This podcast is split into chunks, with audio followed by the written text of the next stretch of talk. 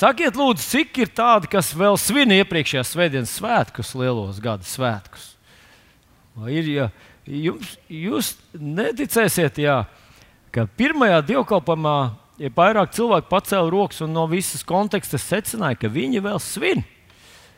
Ko, ko viņi svin? Tēvu dienu, gadu lielākos svētkus, vai ne? Ko? Kurš vēl atcerās, ka ir tāda tēva diena? Ah, ir dažas rokas. Jā.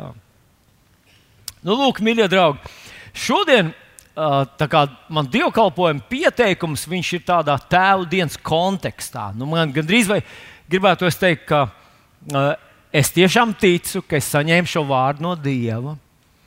Un, un tāpēc man ir drosme jums to uh, nodot šorīt un ļoti iedrošinātu visus tos, kas, uh, kas uh, grib sadzirdēt, censties arī saprast, varbūt ņemt un pierakstīt kaut kur to, censties saprast, ko tad Dievs šodien caur vilni grib man pateikt.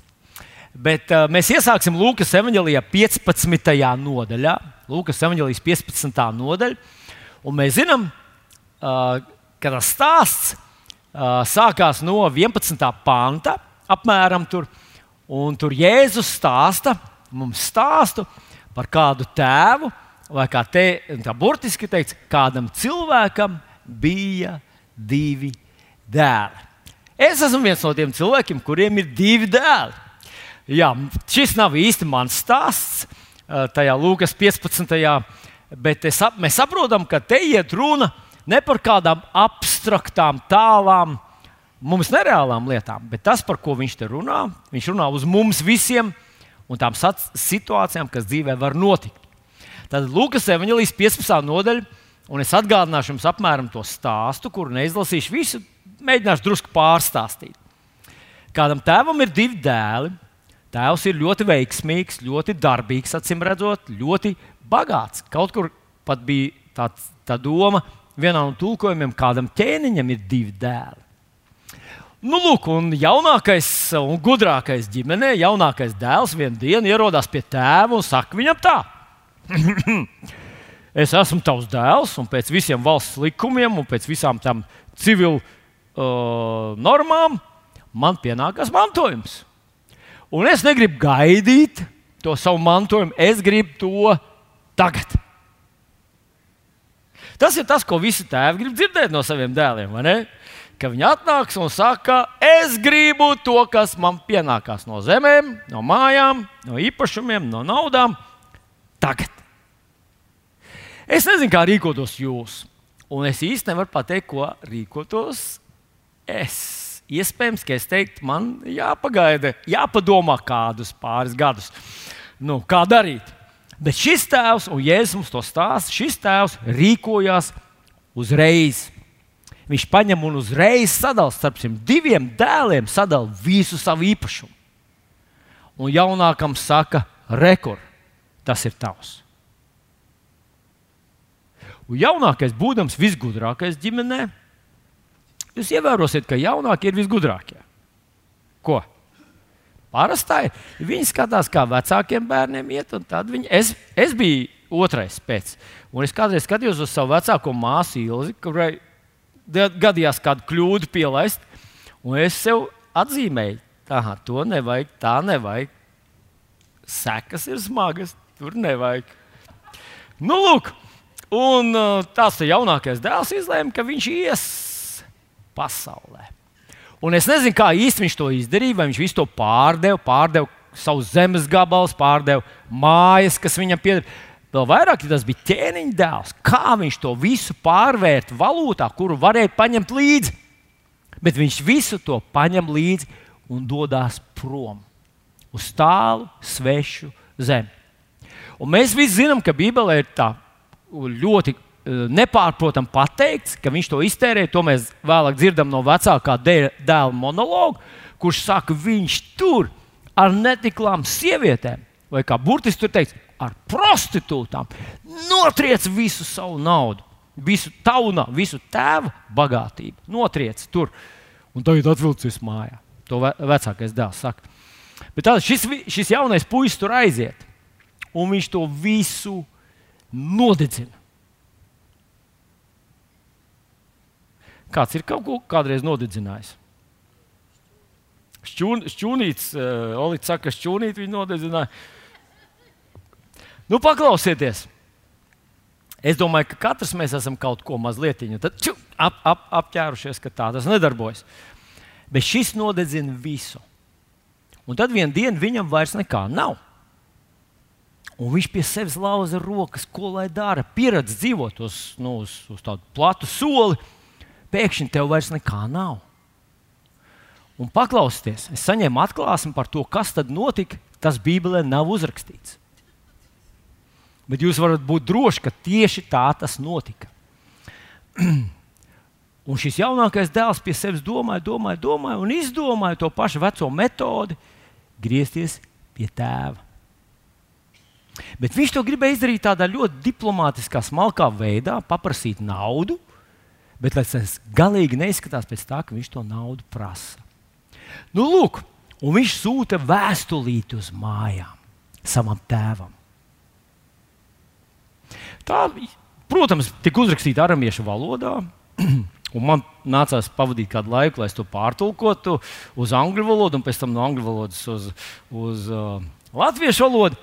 Un, ja es jums nolasītu to vēstuli, viņi, ziniet, šodien tāds laikmets, kad visi pārtver viens otru vēstules, Baltkrievijas prezidents pārtver visas vēstules, un, un Maskava pārtver. Un, nu, un arī man izdevās pārtvert šo vēstulīti. Un tā man jums viņu ir jāparāda. Tātad jaunākais dēls, pirms viņš nonāca līdz cūkas silai, viņš izdomāja, ka viņš vēlreiz savam tēvam paprasīs naudu. Un viņš sūta šādu te, uh, vēstuli. Tātad es jums lasu viņu. Ceru, ka jūs varat redzēt uz ekrāna. Dārgo tēti, es tagad mācos universitātē. Universitāte ir tieši dzīves universitāte. Universitāte ir tiešām lieliska. Esmu iegūmis sev daudz draugu, un studijas ir grūtas. Man vispār nesanāk domāt par citām lietām, kā tikai par mācībām. Tā ka lūdzu atsūti man kartiņu, lai zinu, kā jums tur iet. Mīlu, tavs dēls.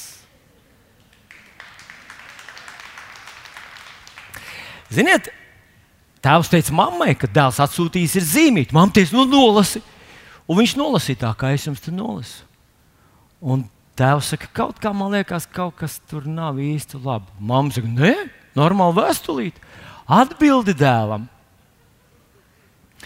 Uh, tie, kam varbūt ir grūtāk saskatīt, katru reizi, kad viņam bija jāieraksta burtiņš es tajā tekstā, viņš palielināja šekeļu zīmīti nu, vai dolāru zīmīti.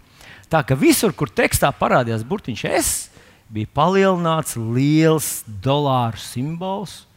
Dēls citiem vārdiem mēģināja kaut ko pateikt. Tēti, tēti, sos, vajag palīdzību. Nu, lūk, un tēvs, būdams ļoti gudrs, saprātīgs tēvs, uzrakstīja atpakaļ zīmīti. Un viņš atkal lasa mammai, ko tu saki, vai šitādu varam sūtīt, un man atkal tā jums ir jāparāda, jo citādāk būs ļoti grūti to saprast. Nu, tā tad tēvs lasa mammai priekšā. Ko tu saki, vai šitādu varam sūtīt? Mīļais vai dārgais dēls? Es negribu kavēt tavu laiku. Nevēlos atraut tevi ne no astronomijas, ne no ekonomijas, nē, no bioloģijas studijām. Nesaprotu, kā tu to visu vari pagūt. Nevēlos tev lieku reizi atgādināt, ka nekad nav par daudz zināšanu. Mīlu tēti. Tētis jautā mammai, vai tādu var sūtīt. Jā, ļoti labi. Redzi, redzi, mums beidzot kaut kādas attiecības veidojās ar to dēlu, kas mūs necienīja, neklausīja un aizgāja. Nu, tie, kam jums ir drusku tālāk, varbūt jūs neredzat ekrānu tik labi. Katru reizi, kad tēvam bija iespēja ierakstīt divus burtiņus, nē, viņš viņus palielināja, izcēla. Tādā veidā atbildot uz šekaļu zīmītēm, viņš atbildēja ar zīmīti nē. Tad īsti vīru runa tēva dienā. Jūs varbūt man teiksiet, pagaidi, pagaidi, vilni, tu esi kaut ko sajaucis. Tas bija tas tēvs, kurš skrēja pretī un teica, nesiet grēdzenu, nesiet drēbes, nesiet kurpes un tā tālāk. Tas ir tiešām tas pats tēvs. Bet redziet, kas ir. Kādreiz, kad tā virspusē spriežot, mēs palaidām garām, ka pirms gredzena, pirms tām smalkajām drēbēm un kurpēm un tā tālāk, un svētkiem, ir kaut kas uzrakstīts par to dēlu. Un kas tad ir uzrakstīts? Tas ir turpat Lūkas evanģēlijā, 15. nodaļā, no 17. panta. Tātad dēls, kurš necienīja, neklausīja un aizgāja, ir atpakaļ. Bet kāds viņš ir atpakaļ? Paklausieties! 17. pantā mēs lasām, tad viņš pie atziņas nācis, sacīja, cik augāģi nav manam tēvam, kuriem maizes pa pilnam, kamēr es te mirstu badā. Es celšos un iešu pie sava tēva un sacīšu, Tēvs, es esmu muļķis. Es esmu pārkāpis visus likumus. Es esmu rīkojies stulbi, egoistiski, bērnišķīgi. Es esmu aizvainojis tevi. Vai burtiski kā te ir uzrakstīts, es esmu grēkojis pret debesīm un pret tevi. Es vairs neesmu cienījis, ka mani sauc par tavu dēlu pieņem mani par vienu no saviem algāģiem. Un viņš cēlās un gāja pie sava tēva. Bet viņam vēl tālu esot, viņa tēvs to ieraudzīja, tam kļuva viņa žēl, un viņš skrēja tam pretī. Krita tam ap kaklu un to skūpstīja. Bet dēls tam sacīja, Tēvs, es esmu grēkojis pret debesīm, pret tevi. Es vairs neesmu cienīgs, ka man sauc par tavu dēlu. Es esmu sapratis, tēti, tēti, tu biji tik labs, tu biji neizprotams, uzticams, tu biji īsts tēvs. Es esmu rīkojies stulbi. Es nepretendēju ne uz ko. Ja es varētu būt tavā namā, man ar to vien būtu liels prieks. Pieņem mani par vienu no saviem algāķiem. Tātad tas bija dēls, kurš bija sapratis kaut ko kurš bija mainījies, kurš bija izlēms, attieksmi savu mainījis, domāšanu savu mainījis, vērtības savu, ma savus mainījis. Un tas ir tas tēvs, kuram tas ir tas dēls, kuram tēvs saka, atnesiet, apģērbu, gradzenu, kurpes, nokaujiet baroto teļu, svinām! Dēls bija mīris, ir atkal dzīves, viņš bija pazudis un ir atkal atradies. Un domājot par šo te situāciju, man radās tāda četrinda. Es neba, neuzdrošinos to nosaukt par kaut kādu dzēju, bet kaut kas tas rezonēja manā sirdī. Nu, paklausieties! Tu izlēmi aiziet, tev gribējās smiet. Tu varēji nomirt tur svešumā viens, bet atnāci mājās un lūdzu, lai glābi. Vai to, ko tu saki, tu saki no sirds? Vai viņš to sacīja no sirds? Nu, protams, da, protams, no sirds. Viņš būtu gatavs raudāt un pie zemes krist un zvērēt. Viņš gribēja būt mājās pie sava tēva, viņu mīlot, saprotot savas kļūdas saprotot, ko ir pazaudējis. Ar vārgu, vārgu, klusu cerību, varbūt kaut ko viņš no tā varētu dabūt atpakaļ.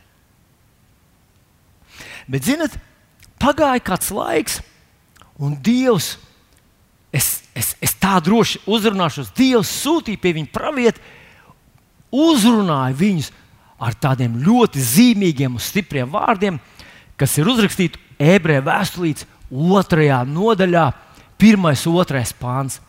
Un paskatieties, kas tur ir uzrakstīts. Tātad šim puisim, kurš bija pazudis un nu ir atkal mājās, Dievs sūta šādus vārdus. Tāpēc mums dzirdētais vārds jo vairāk jāņem vērā. Lai mēs netiktu aizskaloti projām, Jo ja caur eņģeļiem runātais vārds ir bijis stiprs un katra pārkāpums un nepaklausība dabūjusi savu taisno atmaksu, kā mēs izbēgsim tik dārgu pestīšanu, nicinādam. Nu, ko tad es ticu, ka tas ir apelsīns Pāvils, kas uzrakstīja ebreju vēstuli? Ko viņš mums cenšas šeit pateikt? Viņš it kā tam dēlam, kurš it kā visu bija sapratis, visu bija aptvērs, kurš tagad ir atnācis tēva mājās, saka viņam un atgādina viņam, hei, nepazaudē šo savu sākotnējo atziņu, atklāsmi un attieksmi. Nepazaudē to. Un tad paklausieties, nu varbūt sāksim no, no pašām beigām. Tik dārgu pestīšanu nicinādam. Es neticu, ka jau kādu cilvēku, kaut vai kāds, varbūt kāds bijušais kalpotājs, kurš no visas sirds kādreiz dega par Dievu, Un tagad tu viņu kaut kur sastaps kādā alus dārzā ar cigaretes zobos un lielu alus kausu, tā bramanīgi tur staigājam pa to tur un svinam dzīvi. Tu viņam teiksi, hei, kas notiek, kāpēc to nonicināja pestītāja Jēzu un visu to glābšanu? Viņš jums nekad neteiks, es nicinu to visu. Tas varbūt tie būs uz pirkstiem saskaitām cilvēki, kas burtiski pateiks tādiem vārdiem. Un šeit īstenībā nav ielikt tas, tas vārds tik stiprs, nicinādam. To pavisam viegli var aizvietot šo vārdiņu, nicinādam ar to, ka tu tā viegli to uztver. Tā nepievērs īpašu uzmanību. Tu vienkārši ļauj, lai runā. Nu, lai viņš runā. Nu, tā kā mēs klausāmies prezidenta uzrunu gadu mijā. Neviens no mums nesēž ar blociņiem. Mēs ļaujam viņam runāt. Beigās pateiksim, nu, nu nevisai, vai ne? Nu, es nezinu, kad Egils nāks, to līdz prezidents Egils Levits nāks. Iespējams, ka tā būs satriecoša runa. Bet tā tad ir iespējams arī dieva tekstam tā vienkārši viņu noklausīties. Un šeit, pirmajā teikumā, kur mēs lasām, lai mēs netiktu aizskaloti prom, jūs paskatīsiet, paskatīsieties karaļa jēkab tekstu, tad tur ir uzrakstīts drusku savādāk. Tur uzrakstīts, ka tas vārds, kuram mums būtu jāpievērš liela uzmanība, tā vienkārši aizlīst garām, kā straumi upē. Jūs esat stāvējuši pie upes blakus, un tā straumīte vienkārši klusi iet garām, un jūs vispār neskarat. Un tas ir tas, ko viņš te saka. Ja mēs ar tevi tam nepievēršam uzmanību, Ja mēs tā īpaši sevi nekoncentrējam, nemobilizējam, nenoskaņojam, ir iespējams, ka tas vārds, kur Dievs tev un man saka, un varbūt pat brīdinot par nākotnes nopietniem laikiem, tā vienkārši aizlīs garām kā ūdens, un mēs nu, kā pīlis noskurinies, un pasaule sākās no jauna. Vai jūs neesat pamanījuši, ka Noā, kurš simts gadus būvēja šķirstus, ir nosaukts par taisnības sludinātāju? No simts gadus, kamēr būvēja šķirstu, viņa rīcība sludināja, un viņš pats sludināja. Un cilvēki pie tā tik ļoti pierada, ka vienkārši klausījās viņa tā kā, nu, tā kā fonā, kur skan radioaparāts visu dienu tas klusi paticēja viņiem garām. Un no visiem, kurus Noā uzrunāja savas kalpošanas simts gados, neviens, neviens neiegāja ar viņu šķirstā. Mīļie draugi, vai ir iespējams, ka šis jaunais, jaunākais dēls, kurš tikko atgriezās no cūku silas, kura dzīves nākotne un perspektīva bija pārsvītrota, kurš bija sapratis, ka viņš visu ir salaidis dēlī, un kuram ir dota otra iespēja. To varēja tik viegli aizmirst.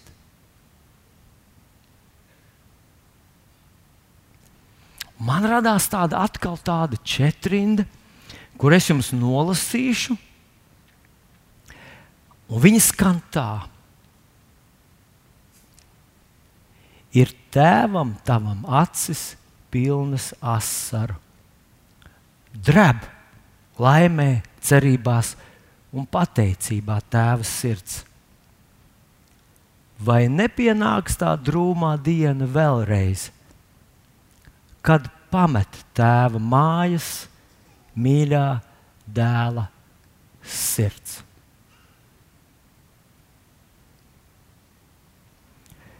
Vilni, nē, no nu, vilni, tu sabiezini krāsas. Vilni, cilvēks, kurš ir tur bijis, apzinājies, ka ir pazudis un tagad ir sastapies ar Dieva mīlestību, žēlsirdību, žēlastību, ar Jēzus dāsnumu. Ar cilvēku, kurš saprot, ka viņa mūžība ir drošās rokās, ka viņam ir dvēseles gans un sargs, kad viņš ir piedzīvojis Dieva mīlestību, nākamās pasaules spēkus, viņš to nekad neaizmirsīs. Bet, zinot, patiesība ir pretēja. Ļoti lielā mērā Bībelē mums atkal un atkal zīmē dažne dažādas ainas par cilvēkiem, kas saņēmuši no Dieva ko īpašu, un to ļoti viegli aizmirst un pazaudēt. Nu, vispilgtākais piemērs, protams, ir Izraēla draudzene, kas tiek izvesta ārā no Eģiptes zemes verdzības. Ja mēs ar jums padzīvotu vienu nedēļu tādā Eģiptes verdzībā, mēs teiktu, ka tā nav dzīve. Tad jau labāk nāve. Bet nebūt par ebreju vergu Eģiptē. Bet tie cilvēki tur dzīvoja 400 gadus. Gan drīz 400 gadus, paudze pēc paudzes dzīvoja verdzībā. Un tad vienā dienā Dievs viņus izved ārā no turienes ar visu Eģiptes zeltu un sudrabu. Bet mēs zinām, tikko viņam radās grūtības, tikko sekot dievam, tas nebija vairs tik viegli un nebija vairs tik ļoti ērti un patīkami. Viņi savā sirdī atgriezās Eģiptes zemē. Tas nekad nevar notikt ar mums, taču, vai ne? Ziniet, ja ar mums tas nekad nevarētu notikt, es domāju, ka Bībelē šo pantu nebūtu. Mēs vienkārši būtu nolemti mūžībai, nolemti mūžīgai mīlestībai, uzticībai, dedzībai. Bet mēs saprotam, ka automātiski tas pats no sevis nenotiek. Cilvēki kaut ko dara, lai viņi paliktu uzticami tam kungam, un lai viņu sirds atkal neaizietu uz to tālo svešo zemi prom. Bet ļaujiet man atgādināt vēl kādus dažus piemērus par cilvēkiem, kas vairs nav īsti tur prom, tai tālajā svešajā zemē. Nav īsti tur, bet šeit viņu sirdžu arī nav. Vairs nav. Nu, es gribētu pajautāt, vai tu un tev? Tu esi atnācis svētdienas rītā uz dievkalpojumu. Es saprotu, ka tu neesi ļoti noskaņojies un ļoti fokusēts, kāds es esmu. Es saprotu, ka uz maniem ir tā milzīga atbildība šeit iznākt priekšā, uz slavētājiem, uz kārtībniekiem, uz visiem tiem, kas nodrošina visu šo pasākumu. Viņi ir laicīgi, viņi pēc tam, tam pielūdz Dievu, viņi saprot, ka viņiem jāplūst garā. Bet varbūt tu esi viens no tiem, kurš vienkārši atnāk un apsēžas. Un tu tikpat ar tādu pašu atdevu apsēdies kādā koncertā, kinoteātrī, kādā lekcijā Tu kaut kur citur vienkārši ienāc un apsēdies, izvelc ārā savu otro dzīvi, mobilo telefonu, pārbaudi, kas tur ir. Tu vari darīt trīs lietas reizē. Tu saki, Dievs, runā, tavs kalps klausās, un tu saki, tur sūtieties, atbildēšu. Un tu uz visām pusēm, nu, esi cilvēks, cilvēks Cēzars. Tu vari visu. Pasaki man, lūdzu, vai tā nav kādreiz, ka beidzās dievkalpojums labākais, ko tu no tā atceries, ir anekdote. Tur kaut kas bija par to. Un vairāk, un vairāk arī neko. Ka tie vārdi, un mīļie draugi, tas ir mūsu draugs DNS ierakstīts. Mēs ticam, ka vienalga, vai te runā Līga, vai Dāvids, vai Vilnis, vai kāds cits mācītājs, vai kāds no kalpotājiem, vai nākamā sestdiena mums būs seminārs, ka mēs ticam, ka kaut ko Jēzus grib mums pateikt, ka Viņš iedeva savus, protams, Protams, katram no mums ir kaut kāda savu pieļaujamā kļūda, mūsu cilvēciskais pieaugums. Protams, neviens no mums nerunā burtiski tādā Bībeles tekstā, kā, kā varbūt apelsīns Pāvils vai, vai Jānis. Un tomēr, ko tad Dievs tev gribēja pateikt? Tev nav nekādas nojausmas. Jo tā īsti jau tā par 90% nebija laika pieslēgties. kungs. Liela daļa no tiem, kas iznāca ārā no Eģiptes zemes un gāja uz apsolīto zemi, kas mums šodien simbolizē dzīvi Kristu Jēzu, tur nenonāca. Viņi pa vidam nomira tuksnesī. Man nāk prātā Lats, mēs viņu vēl pieminēsim mazliet šodien, bet viņam bija blakus viņa sieva. Viņa dzīvoja ar taisno vienā ģimenē. Iespējams, viņa vakarā Visi vienojās lūgšanā. Iespējams, viņa šausmām pārunāja visu to, kas apkārtēji Zodomā un Gomorā notiek. Bet tad, kad viņiem vajadzēja iet ārā no turienes, Latvijas sievas sirsniņa palika tur. Tur bija tik labi skaistuma kopšanas saloni, tur bija tādas procedūras, tur bija tik daudz visa kā laba. Un, un, un, un, un gan drīz vai viņai šķita, ka debesis ir tur un tur, kur Dievs viņus ved uz to asketisko kalnu ir tāda nožēlojama izdzīvošana. Viņa nenovērtē to dievišķo rūpi.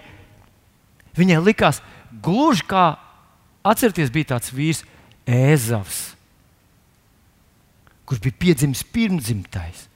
Par viņu bija Dieva svaidījums, un mandāts un uzdevums bija piešķirts viņam. Bet viņš teica, kāda man no tā visa jēga? Man maks ir pilnāks, vai man vēders ir pilnāks. Mēs atceramies to stāstu, ka Jēkabs kopa zemi, viņš bija zemkopis, bet Ēzavs bija mednieks. Un iespējams, viņš devās medībās, un viņš lūdza Dievu par to. Dievs pakārto, es taču esmu pirmdzimtais, es esmu tas svaidītais, tavs īpašais gars ir par maniem. Un viņš nomedīja trīs dienas, un neko nenomedīja. Iespējams, tas nāca no vilšanās, kad jūs skatāties, kā mēs kaut kur lasām psalmos, bezdievīgie dzīvo uz urā.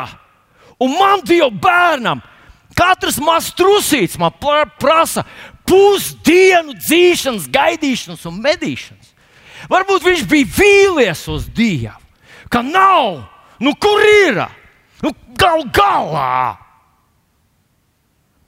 Un tad viņš teica, jēgas no tām visām lielajām dieva lietām, salīdzinājumā ar vienu bļodu, ar, ar pupām, nekādas un viņš pārdeva dārgāko, kas dievam bija uz to laiku, samainīja pret vienkārši praktisku labumu. Vai tas var notikt ar mums? Vai arī mēs ar tevi, atrodoties draudzē, varam būt īstenībā jau prom tur?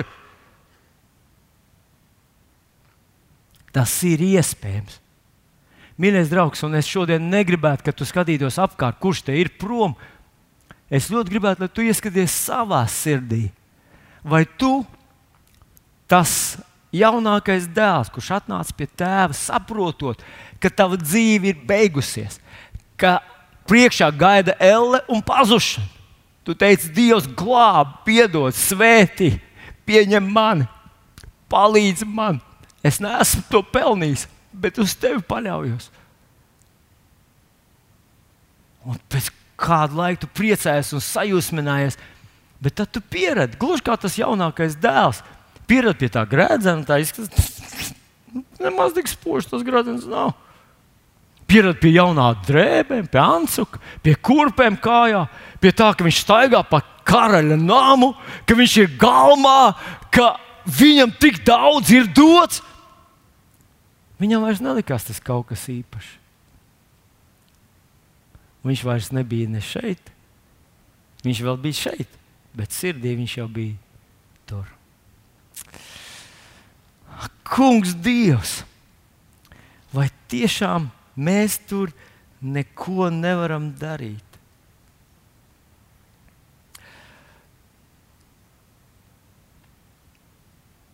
Lūkas evanģēlijā, 6. nodaļā, Jēzus saka tādus vārdus: Ko jūs man saucat, kungs, kungs, bet nedarāt, ko es jums saku? Ik viens, kas pie manis nāk un manas vārdus dzird un dara, es jums rādīšu, kam viņš līdzināms. Un tagad paskatieties, īstenībā kungs Jēzus varētu atnākt šajā rītā un sašķirot mūsu divu veidu likteņos, divu veidu nākotnes scenārijos. Tātad tas, kurš dzird un dara, līdzinās cilvēkam, kas ēku celdams dziļi raka un pamatu lika uz klints. Kad plūdi nāca, un ūdeņi lauzās uz ēku, bet nespēja to kustināt, jo tā bija celta uz klints. Vilni, vai tu gribi teikt, ka nāks plūdi? Jā. Vai tu gribi teikt, ka kaut kādas grūtības un tāda dramatiska pagrieziena pasaulē vēl atkārtosies pēc šī Covid-19? Jā, tieši to es gribu teikt. Un Bībele raksturo šo pirms mesijas atnākšanas laiku, pirms lielajām bēdām, ir raksturo to kā tādas dzemdības sāpes. Es neesmu nekad viņas izjūtis, bet esmu dzirdējis, ka cilvēki apraksta, ka tas tā kā tev saķer pēkšņi, un tās sāpes ir ļoti lielas. Un tu pēkšņi neko vairs nevari darīt. Un tad tas tev palaiž vaļā. Mēs kaut ko no tā tikko piedzīvojām. Un cilvēks, kurš dzird, bet to vienkārši tā, kā, nu, tā ļauj tam paticēt garām, kā tā, tā upītei. Cik ekoloģiski tā garām. Jā, es visu to redzu. Bet tas man nemaz neskar. Neietekmē manas domas, manas attieksmes, neietekmē tas, ko es daru. Es dzirdu, domāju, ka esmu, bet īstenībā esmu tālu prom. Tā tad būs cilvēki, kurus vējš un vētra un lieti nesagraus. Bet paklausies, bet tie rakstīts, kas dzird un nedara 49. pantā, tas līdzinās cilvēkam, kas ēku uztaisīja uz zemes bez pamata. Kad ūdeņi te lauzās virsū, ēka tūdaļ sagruva. Un ēkas gāšanās bija liela. Tā viens šķiet, ka tā ir lielākā katastrofa, kur mūsdienās tā var cilvēkam aprakstīt, uzzīmēt par patiešām dzīves katastrofu, ir, kad tavs dzīves ēkas sagrūst. Kaut ko no tā cilvēka piedzīvoja tad, kad ģimenes šķirās. Tas, kas līdz tam bija dārgs, un svarīgs, un kopīgs un mīļš, tas pēkšņi grūst. Un šodien cilvēkiem ir iestāstīts, ka tā ir norma, tas ir normāli.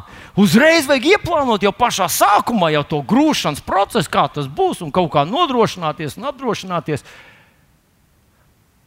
Mīļie draugi, domāju, ka tas ir tik, tik izteiktas, smagas sāpes, ka to nevienam nenovēl piedzīvot. Nerunājot jau par bērniem, visiem tiem, kas ir apkārt ap to visu. Bet tas, par ko viņš te runā, ir kaut kas vēl briesmīgāks. Kad cilvēks, kurš domāja, ka visu dzīvi ir ar Dievu, izrādīsies, ka viņš no Dieva neko nav saņēmis un neko nav lietojis. Vai tā var būt ar manīm? Varbūt, paldies Dievam, līdz šim tas tā nav.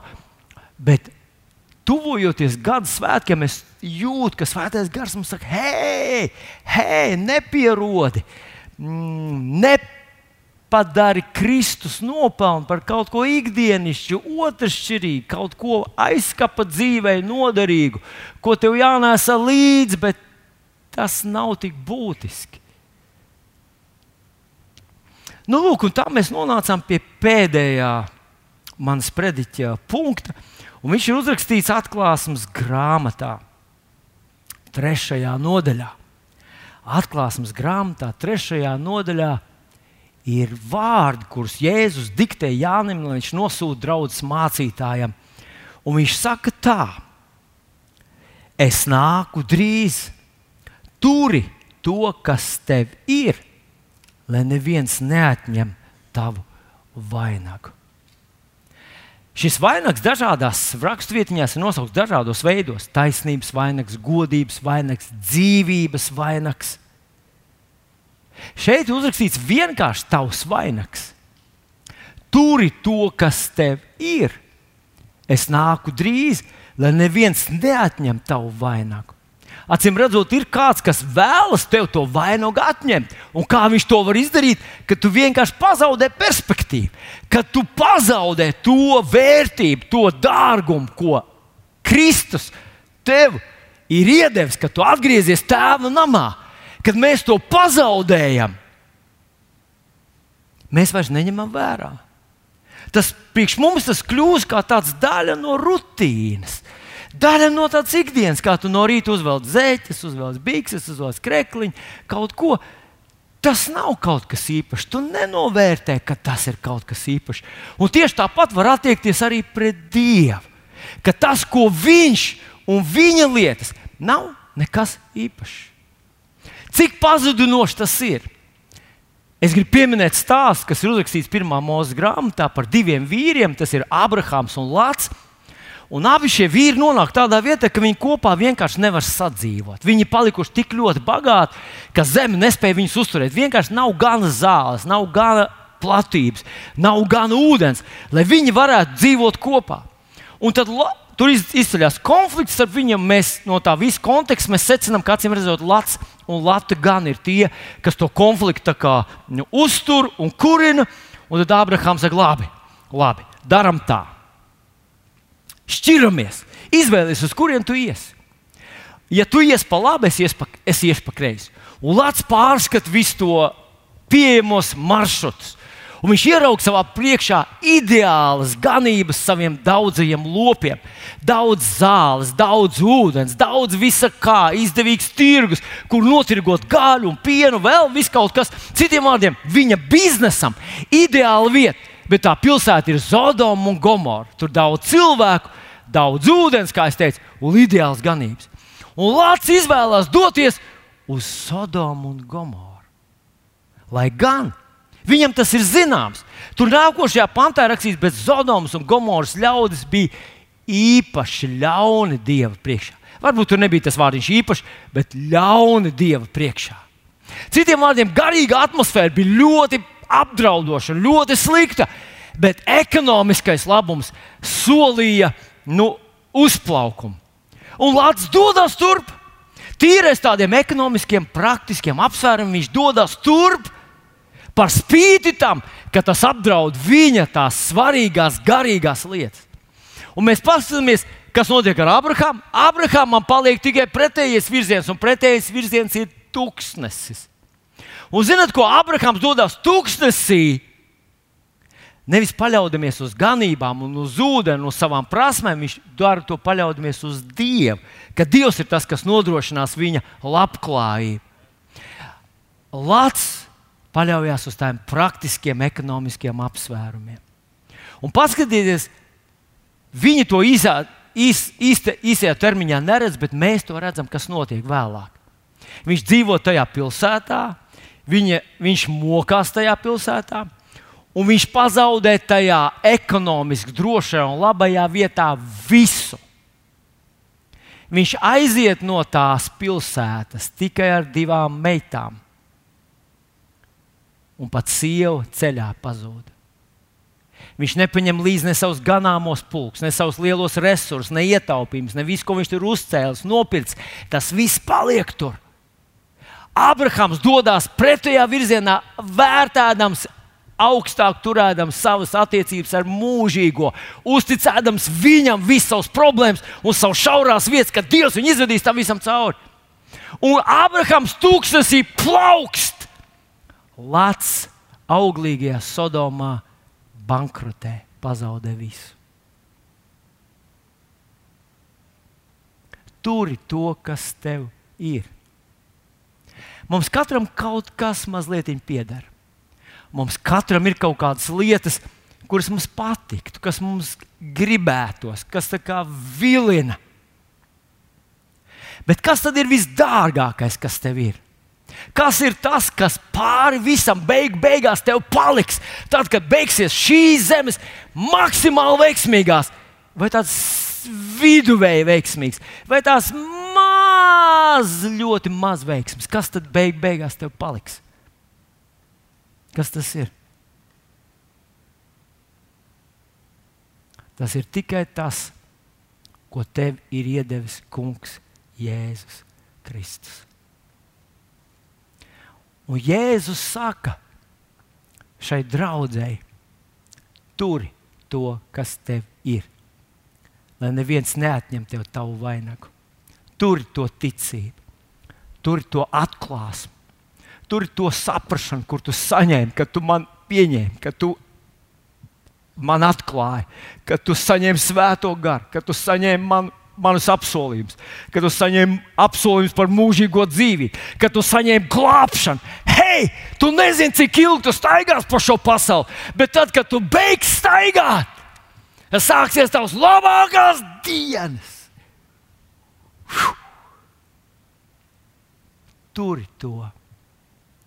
Ja mēs to nebūtu spējīgi darīt, tad šis atgādinājums, pamudinājums būtu absolūti lieks un nevajadzīgs. Tad tas būtu pat netaisnīgs prasīt no mums to, ko mēs nevaram darīt. Ja viss, ko mēs spētu, ir svētdienas rītā piepumpēties kā tāda riepa, un pirmdienas vakarā mēs, mums tos nekā vairs nav. Visa mūsu dedzība, uzticība, nodošanās, visa mūsu ticība, mīlestība un paļāvība uz Dievu, visa mūsu apņemšanās nesakot miesai, bet kā sakot garam, ja tā viss būtu pirmdienas rītā jau izlaist ārā tad nebūtu šī vārda turi to, kas tev ir. Es ticu, ka ir lietas, kuras Dievs tev ir jau iedevis. Par žēlumu arī savā dzīvē esmu redzējis cilvēkus, kas saņēma no Dieva daudz, un tieši tikpat daudz pazaudēja. Kaut kā likās, ka tas pazaudē savu spožumu, savu spēku. Un, lai gan Jēzus teica, debesis un zeme zudīs, mani vārdi nekad nezudīs. Kaut kā cilvēkiem likās, ka, ā, ka tas viss ir tā. Un šajā rītā svētais gars ar manu mutu uzrunā tevi Es esmu tev atklājis kaut ko, esmu tev devis, es esmu tev mācījis, esmu tev vadījis, es esmu tev lietojis, es vēl tev lietošu, es vēl tev vadīšu, mācīšu, es tev vēl atklāšu. Es gribu, lai tu turi to, kas tev ir. Lai tu nepazaudē savu vainagu, taisnības vainagu, godības vainagu, dzīvības vainagu.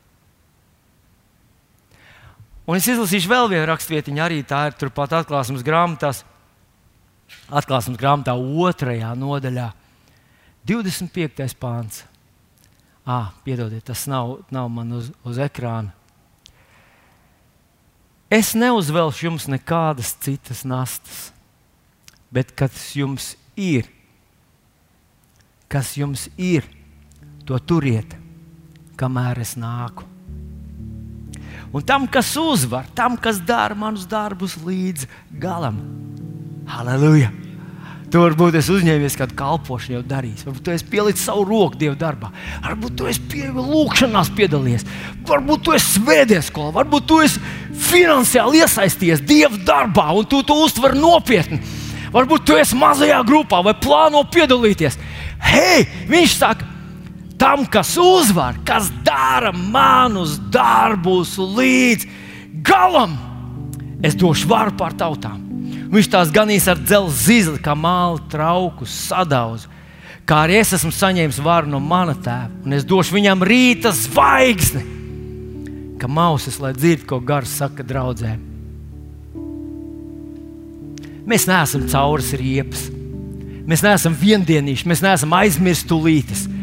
Mēs neesam cilvēki, kas kaut ko saprot, un tad katru dienu sāk no jauna, viss no jauna viņam jāsāk skaidrot un saprast.